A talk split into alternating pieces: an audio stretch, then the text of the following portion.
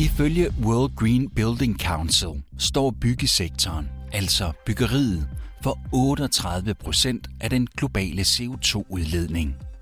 Produktionen af byggematerialer alene står for 11 procent af den samlede udledning. Udover det, ja, så bruger vi også rigtig meget energi på at opvarme de bygninger, vi bor og arbejder i. Heldigvis er EU i den grad trådt i karakter her med The Green Deal. Så er der fokus på øh, den eksisterende bygningsmasse, og det giver i den grad god mening. Ud af den samlede øh, bygningsmasse, så udgør nybyggeri om året kun 1-2 procent. Vi får aldrig løst det her, hvis ikke vi fokuserer rigtig meget på den eksisterende bygningsmasse. Velkommen til The Green Deal podcast. I denne episode stiller vi skarpt på et emne, hvor der, som direktør Mette Kvist fra Green Building Council i Danmark påpeger, er et enormt potentiale i forhold til den grønne omstilling og EU's mål om, at vi skal leve mere bæredygtigt, nemlig vores hjem og arbejdspladser.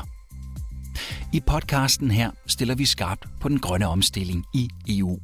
The Green Deal podcast er skabt af det europæiske radionetværk Euronet Plus, hvor kolleger på tværs af EU-lande samarbejder for at undersøge den grønne omstilling i de europæiske lande.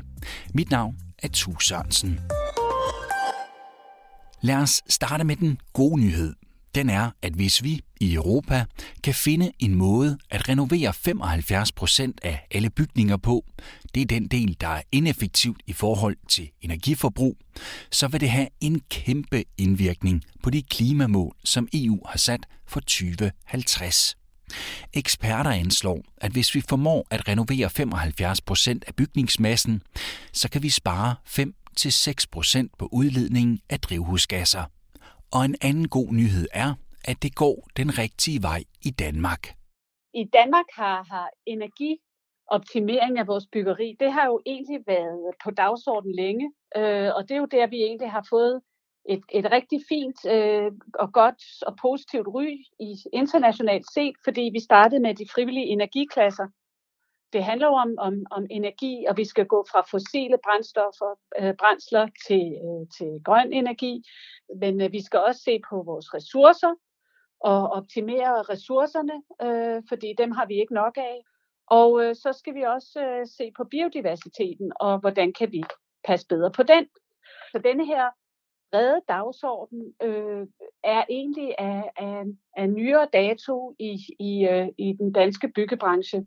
Det forklarer direktør for Green Building Council i Danmark, Mette Kvist. Green Building Council arbejder med at fremme bæredygtigt byggeri, blandt andet gennem vidensdeling og certificeringsordninger. Dem vender vi tilbage til senere. Lad os nemlig brede blikket ud. Hvordan går det i resten af EU? Inden for de næste 10 år vil EU renovere 35 millioner bygninger. Der er allerede i gang sat programmer, der økonomisk skal støtte boligejere. Spørgsmålet er, om den økonomiske støtte til omstillingen er tilstrækkelig. Det synes ikke at være tilfældet i Italien, hvor der er indført nye og skarpe krav til bæredygtigt byggeri fra EU's side. I støvlelandet er tre ud af fire huse bygget før 1980. Det udfordrer energiforbruget, og samtidig har EU i 2021 indført minimumstandarder i forhold til byggeriets krav, særligt når det gælder energioptimering. I Polen kæmper de også en kamp med mange ineffektive bygninger. Bygninger, der ganske enkelt ikke lever op til moderne standarder. Min polske kollega fra Euronet Plus-netværket, Joachim Szyszewski, ser dog positive tegn på, at mange ønsker at leve og bo mere klimavenligt, men der er altså udfordringer. Die Polen sind ein immer umweltbewussteres Volk, doch von der Theorie zur Praxis ist ein langer Weg. I Polen er der en voksende opmærksomhed på miljøet. Men der er langt fra teori til praksis. De seneste år har vi oplevet et byggeboom, og størstedelen af nybyggeriet bygges bæredygtigt. Selv ældre bygninger bliver renoveret, så de kan leve op til EU-standarder. Men de fleste varmer husene med kulfyr, og derfor har vi generelt udfordringer med forurening. Det tager tid at ændre. Sidste år blev der udskiftet 100.000 kulfyr i et omfattende statsstøttet projekt. Miljøministeriet ønsker at investere 25 milliarder euro frem til 2023. Men det er kun begyndelsen på en lang rejse, da der er mere end 1 million kulfyr i Polen. In Polen gibt es eine Million schädlicher Kohleöfen. I Tyskland stiger energipriserne, som vi også har oplevet det her hjemme siden 2021. Støtteprogrammer er byråkratiske, men når andre EU-lande ser mod Tyskland, så bliver støttemulighederne ofte fremhævet. I november 2020 trådte der nye regler i kraft i Tyskland omkring bygningernes energieffektivitet. Regler, der både gælder nybyggeri og eksisterende byggeri. Og samtidig blev der indført regler om brugen af vedvarende energi, både hvad angår opvarmning og nedkøling. Og Dirk Mobas fra Energistyrelsen i Tyskland hilser de nye energikrav fra EU velkommen. Ich glaube, das Bewusstsein ist da schon... Jeg tror, der er en stor miljøbevidsthed hos forbrugerne, der primært skyldes de høje energipriser, som i fremtiden vil fortsætte med at stige. Jeg håber, at husejerne vil lære af det, og dermed gøre, hvad de kan for at bygge mere bæredygtigt i fremtiden. Dirk Mobas kan vende sit hoved mod nord, hvis han ønsker inspiration. For Danmark bliver fremhævet af mange eksperter for at være langt fremme på energivenligt og grønt byggeri, sammenlignet med de fleste andre EU-lande. Mobas påpeger, at det blandt andet skyldes, at vi fra dansk side allerede i 1970'erne indførte afgifter på gas og olie, hvilket har haft en positiv indvirkning på udviklingen af vedvarende energikilder. Man satsede strategisk på at gå denne vej, og der blev indført støtteordninger til dem, der vil finde alternative energiløsninger. I Danmark har man endvidere indført muligheden for at være delvist opkoblet på hovednettet. Det sker, selvom man flere steder kobles op på vedvarende energikilder. Den løsning kan man dog ikke implementere i tysk lovgivning. Men energirenovering af bygninger vil have stor effekt for både ejere og brugere, og ja, for samfundet generelt. Kort sagt, så vil energirenoveringer betyde en mindre regning for energiforbruget i fremtiden. Spørgsmålet er altså, er vi ambitiøse nok på byggeriets vegne? Og hvad skal der til, for at vi har den samlede bygningsmasse up-to-date i EU, når det gælder energieffektivisering? Mette Kvist, der er direktør for Green Building Council i Danmark, mener stadig, at der er muligheder for forbedringer. Og her retter hun blandt andet kritikken mod regeringens såkaldte ghettoplan fra 2018, der blev igangsat for at forbedre en række socialt udsatte boligområder. I forhold til dagsordenen med at fokusere på den eksisterende bygningsmasse i Danmark, der er vi på et begynderstadie.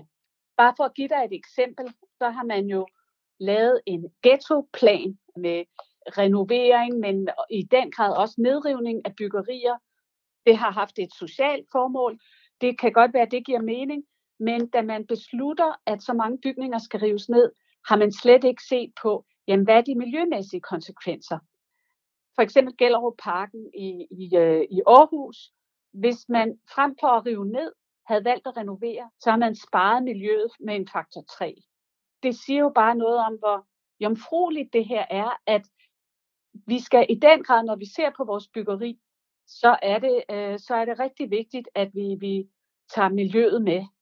Hvis man kigger på bygningsmassen som helhed, så kan nyere byggeri jo, det performer jo langt bedre end, end ældre byggeri på, øh, på driftsenergien.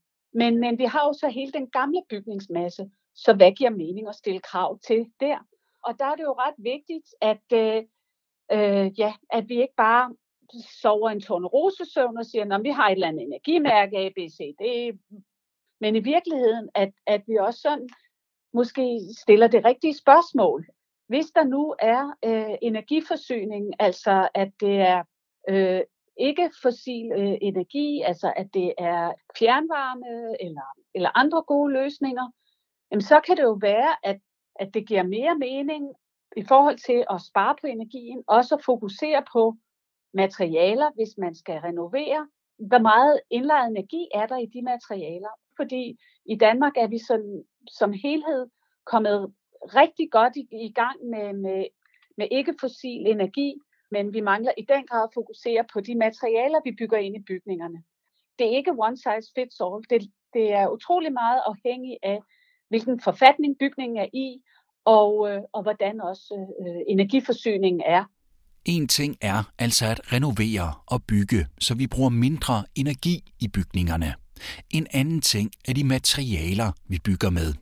Derfor spurgte jeg Mette Kvist, hvordan man kan sikre, at vi bruger byggematerialer, der udleder mindre CO2, når vi producerer dem. Når vi har besluttet, nu her giver det mening at, at, at renovere, det giver mening at, at skifte vinduer ud, de, de gamle kasser, men ikke holde mere og så videre, og så giver det rigtig god mening at efterspørge øh, miljøvaredeklarationer, EPD'er, Environmental Product Declarations.